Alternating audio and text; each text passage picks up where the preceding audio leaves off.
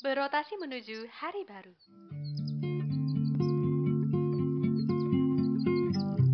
Sesaat lagi, kamu akan mendengarkan podcast Arunika. Selamat mendengarkan.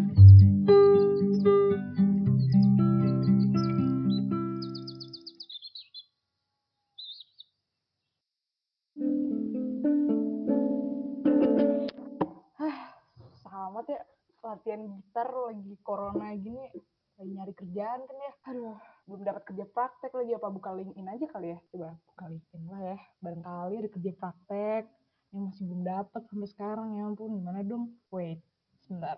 Lah Sal kamu bisnis development satu Indonesia? Hah naon ya tak satu Indonesia jalan-jalan seluruh Indonesia gitu? Oke oke, dan ini kayaknya ada yang lagi ngintip-ngintip LinkedIn ya. iya nyari kerja praktek pak belum dapat ini. Nah itu kalau satu Indonesia, alhamdulillah sih sekarang dikasih amanah gitu buat jadi vice presidennya Business Development satu Indonesia. uh Mungkin dari namanya aja juga udah tahu ya, satu Indonesia, yaitu melambangkan persatuan Indonesia untuk mensejahterakan masyarakat khususnya di bidang community development. Mungkin teman-teman di sini yang mendengarkan podcast kita yang pertama ini sangat-sangat sangat-sangat penasaran lah gitu. Kira-kira satu Indonesia ini ngapain aja gitu ya? Bisa dibilang lah ya. Nah biar kita langsung saja mendengarkan dari yang presidennya langsung malam ini kita benar-benar berterima kasih dikasih kesempatan dan diluangkan waktunya oleh si presiden satu Indonesia itu sendiri Oh, ada nih presidennya. Yaudah kita panggil aja. iya ya. ada Yuk. iya benar Halo kita panggil lah ya Faiza. halo Faiza Halo semuanya. Mantep nih. Nah. Presiden ya ini ya. Wah iya nih kebetulan ya. Oke, oke, oke. Menarik nih. Aku tadi iseng kan buka link ini Faisal ini kan. Terus kayak, lah kok di satu Indonesia gitu. Terus kayak aku baca kan profilnya gitu kan. Terus kayak, ini apa sih kaitannya ini? Siapa namanya? Alia Rajasa ya? Founder ya? Ya anaknya para Hatta Rajasa bukan sih? Bener-bener tuh. Mungkin eh, sebelum ke situ lah ya, sebelum mengenai anak Atta Oh, Rajasa dan Alia Rajasa, mungkin eh, dari Presiden satu Indonesia bolehlah dulu memperkenalkan Oh diri. iya benar. Sekarang berkuliah di jurusan apa, semester apa, dan sibuk ngapain kalau saat ini. gitu. Mm-mm. Silahkan mungkin untuk Presiden satu Oh Indonesia. iya, kepo nih aku. Makasih loh sebelumnya. Oh ya sebelumnya juga karena kita lagi suasana Idul Adha nih, aku mau ngucapin dulu selamat Idul Adha buat teman-teman yang merayakan, bagi yang mendengarkan juga. Semoga Idul Adha kemarin adalah Idul Adha yang berkesan buat semuanya. Amin, amin, amin. Mantap. Mohon maaf lahir batin semuanya. Mantap, nyate, nyate. Oke, Iya. boleh tuh kenalan dulu Faiza. Jadi kenalin, nama aku Faiza Nurholida. Aku biasanya dipanggil Faiza. Saat ini lagi di semester, mau semester 7 di Hmm. jurusan manajemen. Jadi aku angkatan 18 sih. Angkatan 18 di manajemen SBM ITB lah ya. Iya, bener banget. Nah, sebelum ke arah ke satu Indonesia, mungkin boleh boleh diceritain dulu sekarang sibuknya ngapain gitu selain jadi presiden satu Indonesia. Mungkin punya kesibukan lain. Oke, jadi selain jadi, eh, selain membangun satu Indonesia ini, aku kebetulan lagi ada part-time sih di salah satu platform edukasi online juga. Hmm, Paling aku lagi aktif di beberapa kepanitiaan untuk lomba gitu sih saat ini. Oke, siap-siap. Jadi meskipun sekarang statusnya masih ada corona dan pandemi, tetap produktif lah ya. Iya, alhamdulillah banget masih diberi kesempatan untuk bisa produktif sih. Nih, Oke. daripada aku latihan main gitar nggak bisa-bisa. Akhirnya. Rasanya gimana nih jadi presidennya satu Indonesia? Katanya nih denger-dengar presiden yang cewek pertama nih gitu, denger-dengar. Iya sih, gimana ya kalau rasanya, maksudnya kalau untuk aku sebagai presiden wanita sih mungkin perasaannya akan sama aja sih sama presiden-presiden sebelumnya. Cuma yang aku rasain ini jujur pas mau menyalonkan aja tuh aku deg-degan gitu sih. Mau Hmm. nyalonnya aja tuh deg-degan. Kenapa? Karena saat Indonesia ini kan maksudnya kita adalah eh, organisasi sosial kan. Nah, waktu aku mau nyalonin ini tuh konsultasi lah sama teman-teman aku dan ada teman yang ngomong bahwa tapi jangan lupa kalau itu ada tanggung jawab moralnya. Nah, dari situ aku langsung mikir, oh ya benar juga sih dengan apabila aku mengambil role sebagai presiden nantinya, pastinya aku punya tanggung jawab secara moral kepada masyarakat desa binaan. Ini udah bukan lagi tentang pengurusnya, udah bukan lagi tentang development dari uh, si anggota-anggotanya doang, tapi gimana sih kita bisa bertanggung jawab terhadap desa binaan kita? Gimana sih kita bisa mengalokasikan dana uh, dengan sebaik mungkin demi perkembangan desa? Gimana sih bisa kita meninggalkan desa itu dengan status mereka udah mandiri nantinya? Dan perubahan-perubahannya apa aja sih yang bisa kita bawa buat desa tersebut? Jujur itu adalah uh, hal yang besar menurut aku dan adalah hal yang agak nggak menyer menyeramkan juga sih, cuma itu Mhm. tanggung jawab yang besar aja sih menurut aku untuk diambil. Gitu sih. Wow. Keren Merinding. keren. Merinding nih dengernya. Iya benar-benar. Terus kalau sebenarnya aku kepo juga sih kayak yang dari tadi aku kepoin juga itu sebenarnya satu Indonesia itu organisasi apa sih sebenarnya gitu. Mungkin boleh tuh diceritain kayak sejarahnya satu Indonesia, terus kayak kegiatannya ngapain aja gitu. Mungkin boleh kali ya diceritain. Oke, aku ceritain nih ya tentang Satu Indonesia. Oke. Jadi Boleh. Satu Indonesia sendiri itu merupakan lembaga sosial masyarakat atau non-profit organization yang memfokuskan kegiatan kita tuh untuk memberikan pendidikan tambahan kepada anak-anak di desa binaan dan juga membimbing UMKM ataupun masyarakat untuk mendorong mereka untuk bisa memiliki uh, bisnis sendiri dengan cara meningkatkan nilai tambah dan mengembangkan kualitas untuk memenuhi persyaratan di pasar. Nah, dulu itu tuh jadi asalnya tuh Satu Indonesia ini tuh uh, ada didirikan tuh kan tahun 2006 tuh sama mahasiswa SBM ITB. Itu tuh emang awalnya tuh Hmm. ada project buat mata kuliah gitu sih sebelum akhirnya menjadi sebuah organisasi. Kita kan emang fokusnya itu tuh karena kita kan dari SBM nih, di mana kita kan sekolah bisnis dan manajemen. Emang fokusnya itu tuh memberikan kontribusi kontribusi sosial ke masyarakat. Itu tuh untuk membina secara dari hal kewirausahaannya juga gitu. Dan mimpi awal dari Satu Indonesia ini tuh untuk menciptakan sebuah organisasi yang membuat mahasiswa lebih dekat dengan masyarakat. Hmm. Nah, terus kalau fokus utamanya Satu Indonesia sendiri nih, kalau kita kaitin ke Sustainable Development Goals atau SDGs, itu mungkin kita lebih ke poin ke satu dan juga poin keempat, yaitu no poverty dan juga quality education. Kenapa no poverty? Satu Indonesia ini tuh kita berjuang untuk mengurangi angka kemis kemiskinan yang ada di, di Indonesia. Dengan apa? Ya dengan itu kita mendorong warga desa itu tuh agar mereka bisa mandiri dengan memiliki bisnis yang mereka jalankan sendiri gitu. Dan untuk yang quality education-nya sendiri emang kita juga memfasilitasi ataupun memfasilitasi orang-orang desa itu dengan kita memberikan pendidikan yang bermutu. Jadi kita berharap itu tuh bisa meningkatkan minat literasi dan belajar anak-anak gitu sih. Wah, cukup menarik ya. Terus ini deh Iya. pertanyaanku selanjutnya, aku penasaran sih kan ini tentang bina desa gitu kan. Nah, kira-kira apa sih unique value-nya atau mungkin best practice dari satu Indonesia ini gitu sebagai organisasi community development atau bina desa ini gitu. Jadi, oke sebelumnya disclaimer dulu ya bahwa aku bukan seorang expert di bidang community development.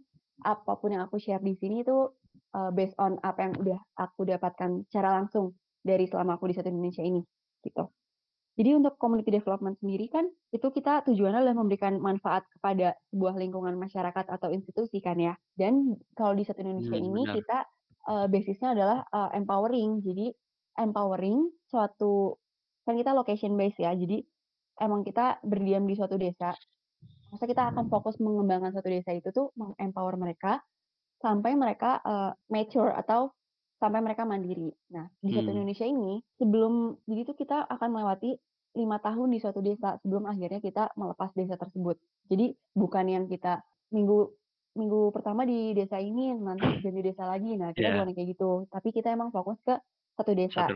Uh, di mana itu ak- akan kita bina selama lima tahun. Nah, itu tuh dari tahap planningnya sampai ke eksekusinya itu tuh selama lima tahun sampai akhirnya mereka udah bisa lah. Ibaratnya ya kita ngasih mereka khayal dan jala untuk mereka hidup mandiri nantinya saat kita di- ditinggal sama kita gitu sih. Oke, oke. Mungkin yang membedakan adalah karena satu Indonesia ini juga punya gerakannya mahasiswa SBM gitu ya. Jadi ada pengembangan UMKM-nya juga ya di sini ya. banget sih. Jadi kita emang mengimplementasikan ya sedikit ilmu yang udah kita dapat lah di perkuliahan ini kita implemen- implementasikan di desa binaan tersebut yaitu secara wirausahaannya. Oke, oke. Emang desa binaannya di mana ya? Nah, jadi dari 2006 itu kita udah ke tiga desa nih. Pertama itu adalah di Papak Manggu, lalu yang kedua itu di Warja Bakti, dan untuk saat ini kita di Cikawari. Ya sebenarnya masih di Bandung. Karena walaupun nama kita satu Indonesia, tapi emang saat ini fokus kita masih di wilayah Bandung supaya Hmm. karena kita membina desa ya. Kalau misalnya agak kejauhan itu bakal susah buat kita selalu nge-reach desa tersebut. Betul. Mungkin Benar, seiring berjalannya waktu dan bertumbuh besarnya satu Indonesia, sangat memungkinkan banget bahwa kita akan expand ke wilayah lain di luar Bandung gitu. Amin amin amin. Amin. Terus aku penasaran sih kalau pengembangan UMKM terus ngajar gitu-gitu kan. Kira-kira sejauh ini tuh udah apa ya? Ada nggak cerita gitu kayak UMKM-nya sebelum sebelum dibina sama setelah dibina tuh perbedaannya apa gitu? Boleh diceritain nggak? Oke, jadi yang pertama itu kan di Papak Manggu ya, itu tuh desa pertama banget. Desa pertama. Ini agak iklan dikit, tapi nanti kalian bisa lihat di YouTube ada video Iya. judulnya Aku Ingin Menjadi Petani Berdasi. Itu tuh adalah kisah di desa Papak Manggu. Di mana saat itu tuh mereka kan kayak menjual sayur dan buah-buahan gitu kan untuk ke ke kota. Nah, tapi emang biasa aja gitu, nggak dikemas secara baik.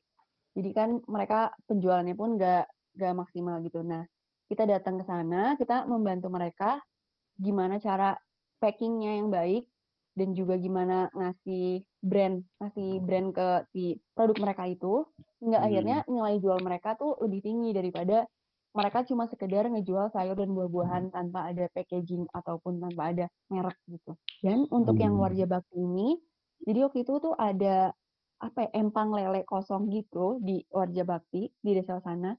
Dan dari satu Indonesia kita menginisiasi untuk ya si empang itu tuh kita jadikan ternak lele dan akhirnya nanti lelenya tuh dijual tuh udah digoreng gitu. Kalau untuk yang di Cikawari sendiri kita lagi masih tahap development sih untuk produknya adalah produk lemon dan juga produk bawang. Oh. Rencananya sih harusnya tahun ini kita udah eksekusi dan Amin. rencananya banget nih udah eksekusi dan launching produk. Ya nggak sih Sal? Amin amin. Semoga lah ya satu Indonesia. Keren, keren, keren. Nah, Mantap mantap mantap. Apalagi terus aku penasaran juga sih kayak ini kan lagi corona juga kan. Strategi dari satu Indonesia biar proker-prokernya tuh tetap berjalan gitu. Itu Iya bener benar tuh. banget kan kayak wow gimana? Oke jujur ya kalau boleh curhat dikit ini emang agak berat sih buat kami satu Indonesia untuk menjalankan hal-hal ini di masa corona ini. Karena satu Hmm, sumber dayanya itu udah terpisah-pisah SDM dari. Indonesia sendiri karena yang stay di Bandung tuh nggak begitu banyak kan cuma beberapa aja dan dua karena kita ini location based maksudnya kita emang fokus ke satu desa binaan jadinya mau gak mau kan kita harus directly datang ke sana kan nah itu tuh agak susah juga karena ya sebenarnya walaupun mereka di sana tuh jauh agak agak jauh gitu kan dari pusat kota nah takutnya tuh antara kita yang membawa ataupun kita yang menyebarkan gitu loh kan kita juga agak khawatir ya kalau ternyata malah dengan ada datangnya dari orang kota tuh orang kota yang adalah kita tuh malah membawa malapetaka gitu buat mereka. Karena kalau mereka di sana kan kontak keluar keluar desanya tuh emang agak jarang gitu loh. Nah jadi eh, yang kita lakukan tuh kemarin kita baru ngasih donasi masker, masker dan juga bantuan kayak kertas folio gitu. Karena di sana kan internetnya agak susah juga jadi anak-anak Hmm. tuh sekolah tuh nanti ngumpulin tugas ke gurunya pas hari pokoknya seminggu atau dua, dua minggu sekali. Nah kita membantu kertas folio yang dibagikan ke anak-anaknya dan juga masker.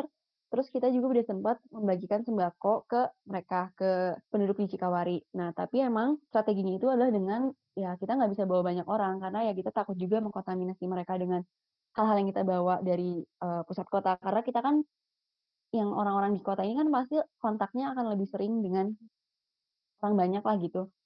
Benar benar. Makanya untuk meminimalisir hal tersebut ya kita mengurangi sih orang-orang yang datang langsung ke Cikawarinya gitu. Dan untuk ke depannya masih dalam tahap penggodokan juga program kita mau dijalankannya kayak gimana karena dari Cikawarinya sendiri pun masih berubah-ubah gitu loh. Asalnya tuh mereka udah mau masuk secara offline Iya. anak SD-nya, Mhm. tapi kemarin baru dikabarin lagi sama gurunya di sana bahwa belum jadi nih kita belum jadi masuk mereka belum jadi masuk offline karena kasus corona yang masih terus meningkat. Jadi emang Benar-benar. ketidakjelasan ini masih agaknya menjadi suatu kesulitan sih buat kita, tapi ya kita masih terus mencari cara gimana sih biar kita tetap bisa hadir buat mereka walaupun di tengah-tengah pandemi seperti ini dan tanpa membahayakan mereka tentunya. tapi eh, untuk berhubungannya masih jalan ya maksudnya call via telepon atau WA kayak gitu masih jalan ya sama stakeholder di sana Iya. Dan kebetulan kita emang kalau kontaknya tuh cuma tokoh di sana aja kan ya, nggak nggak Iya. jadi tuh di sana tuh sinyalnya tuh agak susah gitu loh. Dan ya mereka tuh Benar. bukan yang kayak setiap saat buka WhatsApp gitu. Jadi kayak misalnya kita menghubungi hari ini tuh baru dibales lima hari kemudian gitu sih. Benar. Jadi ada, ada susah gitu kalau misalnya nggak ada tengah tuh komunikasinya. Tapi ya masih Iya. terjalin sampai sekarang. Alhamdulillah lah kalau kayak gitu. Nah, kan mungkin kita eh, istilahnya masih cerita corona-corona gitu kan. Dan mau nggak mau ya hampir semua kegiatan, nggak hanya satu Indonesia, organisasi lain pun mungkin akan kesulitan dengan adanya pandemi ini. Nah, eh, sebenarnya eh, lumayan penasaran juga sih meskipun apa ya satu Indonesia ini kan di, di itu kan di, diinisiasi oleh anaknya Hatta Rajasa si Arya Rajasa. Nah kira-kira dari satu Indonesia ini eh, bentuk kerjasamanya dengan pihak luar itu baik dulu sampai sekarang tuh seperti apa sih dan udah bekerja sama dengan apa aja gitu baik dari institusi pendidikan maupun yang non pendidikan gitu. Mungkin boleh diceritain kerjasama satu Indonesia. Oke, kerjasama satu Indonesia ya. Jadi Iya. kalau eh, periode yang udah agak lama itu sempat kita eh, kolaborasi, bukan kolaborasi kerjasama sama eh, HSBC. Hmm, Jadi HSBC. mereka eh, mereka bareng sama satu Indonesia buat bikin acara di desa gitu. Mungkin bisa Terus juga, diceritain dulu HSBC apaan gitu. oh HSBC tuh ini, bentar kepanjangan dari apa HSBC? HSBC, HSBC itu bank gitu sih. Jadi mereka tuh Oh ya. program CSR-nya Oh, tuh Hmm, ke desa gitu kan. Nah itu waktu itu kerjasama sama satu Indonesia untuk ke desanya. Mm-mm. Terus kita juga kalau saat ini kita udah udah agak lama sih sebenarnya. Ini kita kerjasama sama Gebrak Indonesia. hmm. Nah mm, di situ sih bentuknya adalah kita partneran gitu kali ya. Jadi kita emang bareng-bareng untuk membangun ada desa lagi nih namanya Desa Cinta Asih. Jadi di situ eh, beberapa elemen dari elemen Pengmas di ITB ini bareng-bareng untuk membangun Desa Cinta Asih ini sesuai dengan eh, expertnya masing-masing. Jadi kayak kalau misalnya kita ya membangunnya dari sisi pendidikan dan juga wirausahanya gitu sih. Oke, Dan akan berjalan lagi berjalan juga nih kita diskusi sama beberapa organisasi di internal internal SBM sendiri, terus Hmm, juga ada eksternal yang di luar ITB. Tapi ini masih proses eh, penjalinan kerjasama. Mungkin bentar siap, lagi akan siap, di siap. reveal kali ya nanti ditunggu di Instagram Satu Indonesia. Oke, boleh, boleh. Benar-benar. Mungkin bisa dikasih tahu juga buat teman-teman kira-kira nama Instagramnya Satu Indonesia itu apa gitu. Untuk ngasih Oke, eh, iya kepo lah benar. kegiatan apa aja. Oke, jadi buat ngepoin Satu Indonesia nih bisa langsung cek Instagramnya di @satoe_indonesia. Oke, at satu W Indonesia ya teman-teman bisa dicek. Oke, jadi eh, untuk kerjasamanya satu Indonesia lumayan banyak lah menjalin kerjasama dengan pihak luar ya, baik internal maupun eksternal. Iya dan kita juga sangat open apabila ada yang mau bekerja sama dengan kita, apalagi di masa kayak gini kan penting banget ya kolaborasi antar organisasi. benar-benar benar.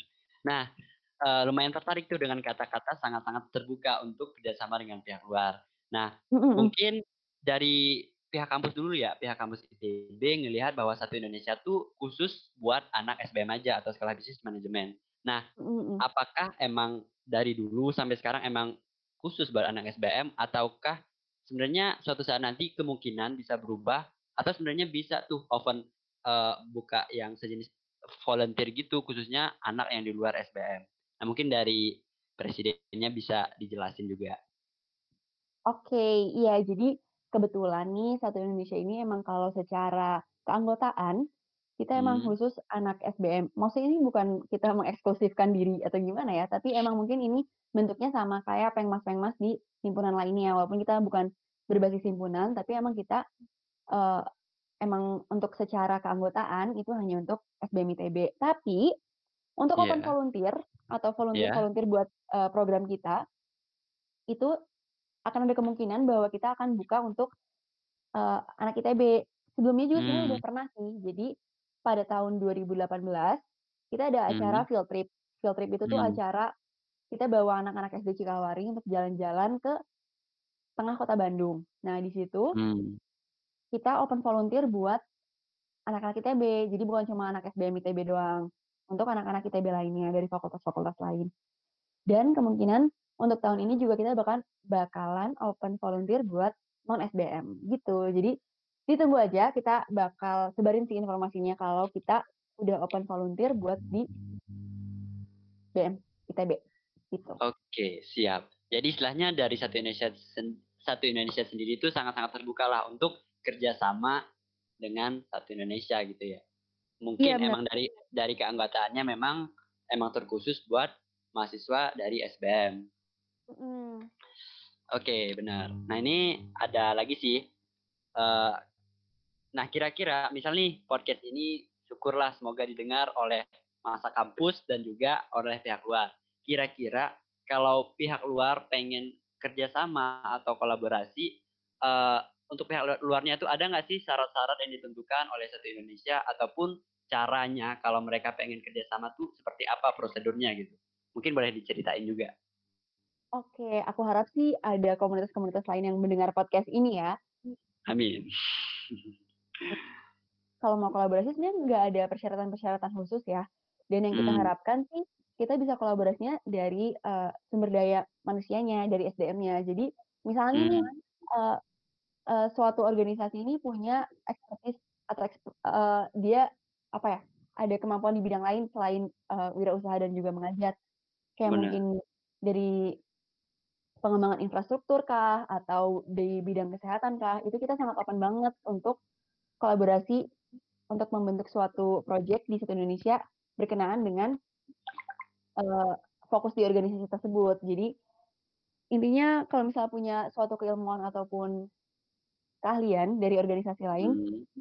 itu sih yang kita pengenin untuk kolaborasi. Jadi hal yang berbeda tapi itu sama-sama untuk membangun desa tersebut gitu. Oke, siap. Jadi intinya yang tujuannya adalah bagaimana bisa memberdayakan warga desa itu sendiri gitu ya. Meningkatkan eh, mutu hidup dari eh, warga-warga desa di Cikawari. Siap-siap. Nah, eh itu adalah penjelasan ya. Mungkin dari Rara masih penasaran nggak dari satu Indonesia kan tadi penasaran tuh dari jalan-jalan LinkedIn apa sekarang masih bingung juga gitu. gue udah kebayang sih terkait dengan Hmm. oh ya dikerjakan oleh satu Indonesia gitu ya di desa Cikawari. Nah pertanyaan selanjutnya nih mungkin dari aku pribadi nih bener-bener kepo nih sebenarnya. Hmm. Indonesia itu punya SBM ITB atau punya himpunan sih sebenarnya? Wah, menarik ya. Punya KMMK atau punya IMK atau gimana gitu? Jadi ini tergabung di KM ITB atau enggak sih sebenarnya? Hmm, benar, Oke, benar, benar. aduh ini emang jujur adalah hal yang lagi aku berusaha untuk perjuangkan.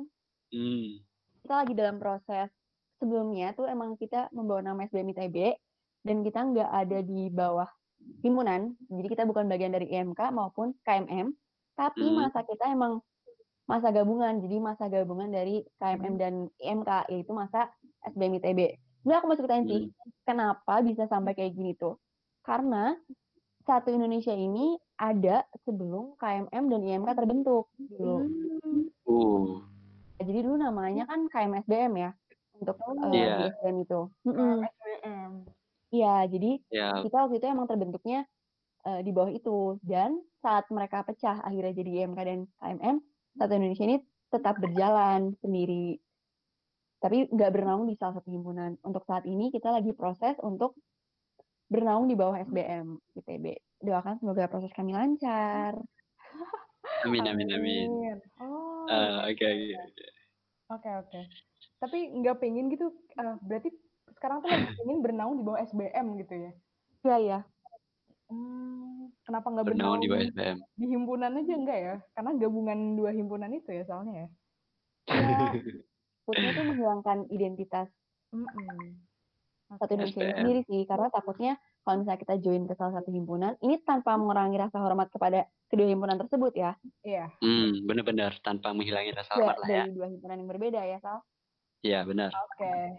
Sip. Artinya kalau misalnya kita gabung nih ke IMK atau ke KMM nanti Iya. anak dari lain himpunan tersebut yang masih SBM tuh agak segan untuk masuk ke satu Indonesia padahal kan kita ini sangat open buat anak SBM ITB gitu sih Ra Oke. M- eh, mungkin aku mau ada pertanyaan tambahan sih ini, lumayan penasaran gitu.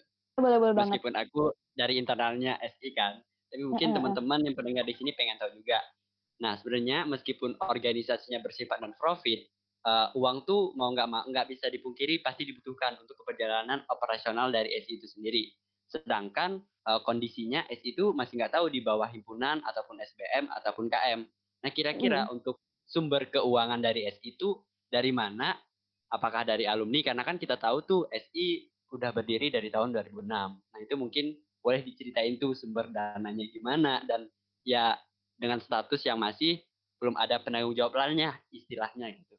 Oke, menarik banget sih. Karena menurut Iya. aku mungkin ini bukan isu buat satu Indonesia doang, tapi juga Hmm. untuk pengmas-pengmas lainnya. Karena kita adalah non-profit organization agak susah untuk generating money gitu kan ya. Bener. Jadi kalau satu Indonesia ini selama keberjalanannya kita dari alumni dan juga Hmm. kita mengadakan eh, acara yang menghasilkan uang semacam competition. Hmm. Jadi dulu kita sempat ngadain eh, lomba golf, golf competition, terus juga Mhm. eh, business case competition, Hmm. dan itu memang semua uangnya itu dialokasikan untuk desa binaan sih. Jadi dan juga operasional satu Indonesia ini. Oke oke oke. Rencananya juga sih untuk periode sekarang kita bakal mengadakan open donasi yang bisa untuk umum juga. Jadi kita juga sempat mendaftarkan ke kitabisa.com. Jadi Hmm. ini emang mungkin kebanyakan pengmas juga apa ya itunya pada donasi sih ya. Cuma ya itu kita biasanya ada competition yang bisa generating money dari situ. Hmm. Nanti kita sebut buat operasional dan juga untuk desa binaan. Benar-benar. Mm-mm. Menarik. Perta- aku mau nanya juga sih kayak kira-kira tantangannya nih tantangan dari satu Indonesia yang pernah ber gimana ya rasanya kalau berkolaborasi sama CSR perusahaan gitu kayak korporat Hmm. itu kan tentu em, menimbulkan banyak apa ya mungkin ya pemikiran-pemikiran mahasiswa gitu ya kayak yang wah gimana nih eh, bekerja sama sama korporat pasti nanti ditumpangi merek atau sebagainya gitu. Nah aku penasaran sih kalau menurut pandangan Faiza sendiri gimana tuh Mm-mm. terkait dengan itu? Oke, karena nggak bisa dipungkiri ya, ini bukan Iya. korporat doang, itu pun dengan organisasi-organisasi lain, pasti mereka ada, mereka udah punya value sendiri, mereka punya hal-hal yang ingin ditekankan sama organisasi-organisasi tersebut. Nah, di situ Hmm. kita pinter-pinter aja sih untuk membagi dan juga memilah mana sih sebenarnya yang value-nya align sama value-value satu Indonesia. Jadi Ya. jangan sampai saat Betul. penyampaian ke warga desa ini, value satu Indonesia-nya tuh nggak nyampe. Nah, jadi kita benar-benar harus jangan sampai asal nerima juga. Kita nggak bisa juga asal nerima kolaborasi kan. Kita harus Iya. melihat sebenarnya value apa sih yang align antara eh, satu Indonesia dan juga organisasi yang akan kita kerjasama gitu sih. Iya, kayak mungkin ini penting juga ya untuk didengar oleh masa kampus gitu ya, oh mungkin untuk lembaga yang punya bina desa gitu. Kalau misalkan ada Hmm. mungkin ya kolaborasi dengan CSR perusahaan itu kayak ya Hmm. jangan takut gitu ya, tapi kayak kita coba memilah-milah gitu ya terkait dengan value yang tepat gitu ya. Jangan sampai value dari kitanya itu hilang gitu kan. Benar-benar. Benar, banget. Jadi emang harus yang align sama value kita sih. Nah, tuh. Setuju Yang penting bisa negosiasi lah ya satu sama lain sesuai Benar dengan value-nya. Iya, Siap, setuju siap. sih aku ini. Oke, menarik sih. Kira-kira Iya. dari Faisal ada lagi yang mau ditanyain nggak? Aku Wah. udah udah cukup tercerdaskan sih ini terkait satu Indonesia. Siap, siap. Mungkin apa ya? Dan dan sangat nggak kerasa loh, udah setengah jam kita berbicara, berdiskusi, Udah ya? um, Iya. iya, berdiskusi tentang satu Indonesia. Dan ini podcast pertama kita. Mungkin sebelum menutup podcast kita pada kali ini kali ya, mungkin dari Faiza sendiri uh, sebagai presiden satu Indonesia, harapan atau mimpi untuk presi- uh, satu Indonesia seperti apa dan juga buat teman-teman di sini yang mungkin saat ini lagi mengikuti sebuah organisasi atau menjabat uh, organisasi khususnya di bidang community development, sarannya tuh seperti apa apalagi di masa pandemi saat ini gitu. Mungkin bisa dibilang uh, yang kata-kata terakhir eh kata-kata terakhir apa ya? Mungkin bisa bilang closing Closing, statement-nya lah gitu. Ah, Iya iya. benar. Oke oke. Eh, Iya. Pertama, eh sorry kalau misalnya agak kepanjangan. Jadi apa-apa. pertama, ini ini hal yang mau aku sampaikan untuk teman-teman yang lagi sama-sama menekuni eh, pengmas ataupun non-profit organization ataupun hal semacamnya, Hmm. apalagi terutama yang Bina Desa yang aku selalu ingat dari jadi waktu itu OSKM 2018 eh, pembicaranya adalah Butet. Beliau menyampaikan bahwa intinya kita tuh nggak bisa memaksakan hal-hal modern di kota untuk kita aplikasikan ke desa binaan kita ataupun community yang kita develop. Intinya apa yang baik dan apa yang bagus buat kita orang kota itu tuh belum tentu adalah hal yang terbaik bagi mereka di desa. Jadi Hmm. jangan sampai kita memaksakan hal-hal modern yang udah kita rasakan buat mereka. Kita harusnya apa sih hal yang terbaik? Bisa mereka itu mencapai kesejahteraan, tapi bukan intinya caranya bukan hanya dengan memodernisasikan mereka. Gitu. Jadi jangan sampai kita memaksakan value-value di perkotaan gitu ya Iya. untuk kita aplikasikan di eh, desa. Kita benar-benar makanya kenapa tahap untuk membina suatu desa ataupun to develop a community ini tuh sangat lama prosesnya. Karena menurut aku Hmm. kita benar-benar harus tahu dari akarnya dulu potensi ataupun Iya. kebudayaan di desa tersebut ataupun di community itu tuh sebenarnya kayak gimana dan hal apa yang bisa dikembangkan dan bagaimana cara mengembangkannya. Terus kalau untuk yang masa corona ini sih kalau menurut Iya. aku kita harus pinter-pinter nyari eh, kita harus pinter-pinter berko- berkolaborasi karena menurut aku apalagi kalau tadi aku bilang keterbatasan sumber daya manusianya Iya. dengan kita kolaborasi itu bakal nambah SDM yang bisa membantu kalau harus terjun langsung ke lokasi dan Hmm. juga akan ada banyak ide-ide baru dari kolaborasi tersebut yang akan memunculkan Siap, siap. proyek-proyek yang lebih berkualitas tentunya untuk kemajuan si desa tersebut. Oke. Sama sama itu Za, yang terakhir mimpi khususnya sebagai penjabat presiden kira-kira satu Indonesia mimpinya seperti apa sih gitu. Oke, jujur mimpi aku sebagai mimpi aku untuk satu Indonesia ini, aku Hmm. berharap banget satu Indonesia ini bisa lebih terdengar, terlihat, dan dirasakan, bukan iya. hanya oleh anggotanya aja, tapi juga untuk masyarakat desa binaan pastinya, dan juga masyarakat ITB maupun luar Hmm. ITB. Jadi semoga akan lebih banyak orang yang tahu nih satu Indonesia ini tuh apa, Hmm. ngapain. Tujuannya bukan cuma buat terkenal ya, tapi Iya. itu biar membuka kolaborasi dan juga eh, donasi boleh ya. Ya, siap. itu penting ya. Betul, harus berjejaring dari sekarang ya, terutama di Ya, benar, benar. ini gitu. Iya. Oke oke, mantap Oke. banget. Aku mau tepuk tangan dulu dong. Iya, tepuk tangan dulu kita. Luar Sama biasa sama Rara sama Faisal udah jelasin. Iya. Oke, paling itu dulu kali ya karena udah wah nggak terasa udah 30 menit lebih nih Iya. kita ngobrol-ngobrol gitu ya. Paling aku mau ngucapin banyak terima kasih ya untuk Presiden satu Indonesia gitu dan harapannya Benar. nih semua pendengar yang ada di sini tuh bisa paham lah gini terkait oh satu Indonesia tuh seperti ini gitu kan. Karena ya Iya. mungkin sebelumnya ada yang belum tahu atau mungkin yang kayak aku tadi gitu kayak asal buka LinkedIn kayak loh satu Iya. Indonesia gitu. Benar. Jujur websitenya keren banget sih. Udah ya, ada linknya di Instagramnya. Oke, siap. Oke, mungkin next kita bakal apa ya? Kita mungkin bisa explore lagi satu Indonesia. Aku ucapin makasih sekali lagi Faiza sudah hadir pada podcast malam ini. Benar. Thank you banget. Oke, mungkin untuk para pendengar malam ini kayak next kita akan ketemu di podcast episode selanjutnya. Mungkin itu aja buat teman-teman semua. Semoga apa yang kita diskusikan malam ini bermanfaat untuk kita semua, khususnya dalam hal community development. Saya Faisal dari Kewirausahaan. Apabila ada kesalahan dan juga ada akhir kata, wabillahi hidayah. Assalamualaikum warahmatullahi wabarakatuh. Yeay, waalaikumsalam. Sampai jumpa di podcast selanjutnya.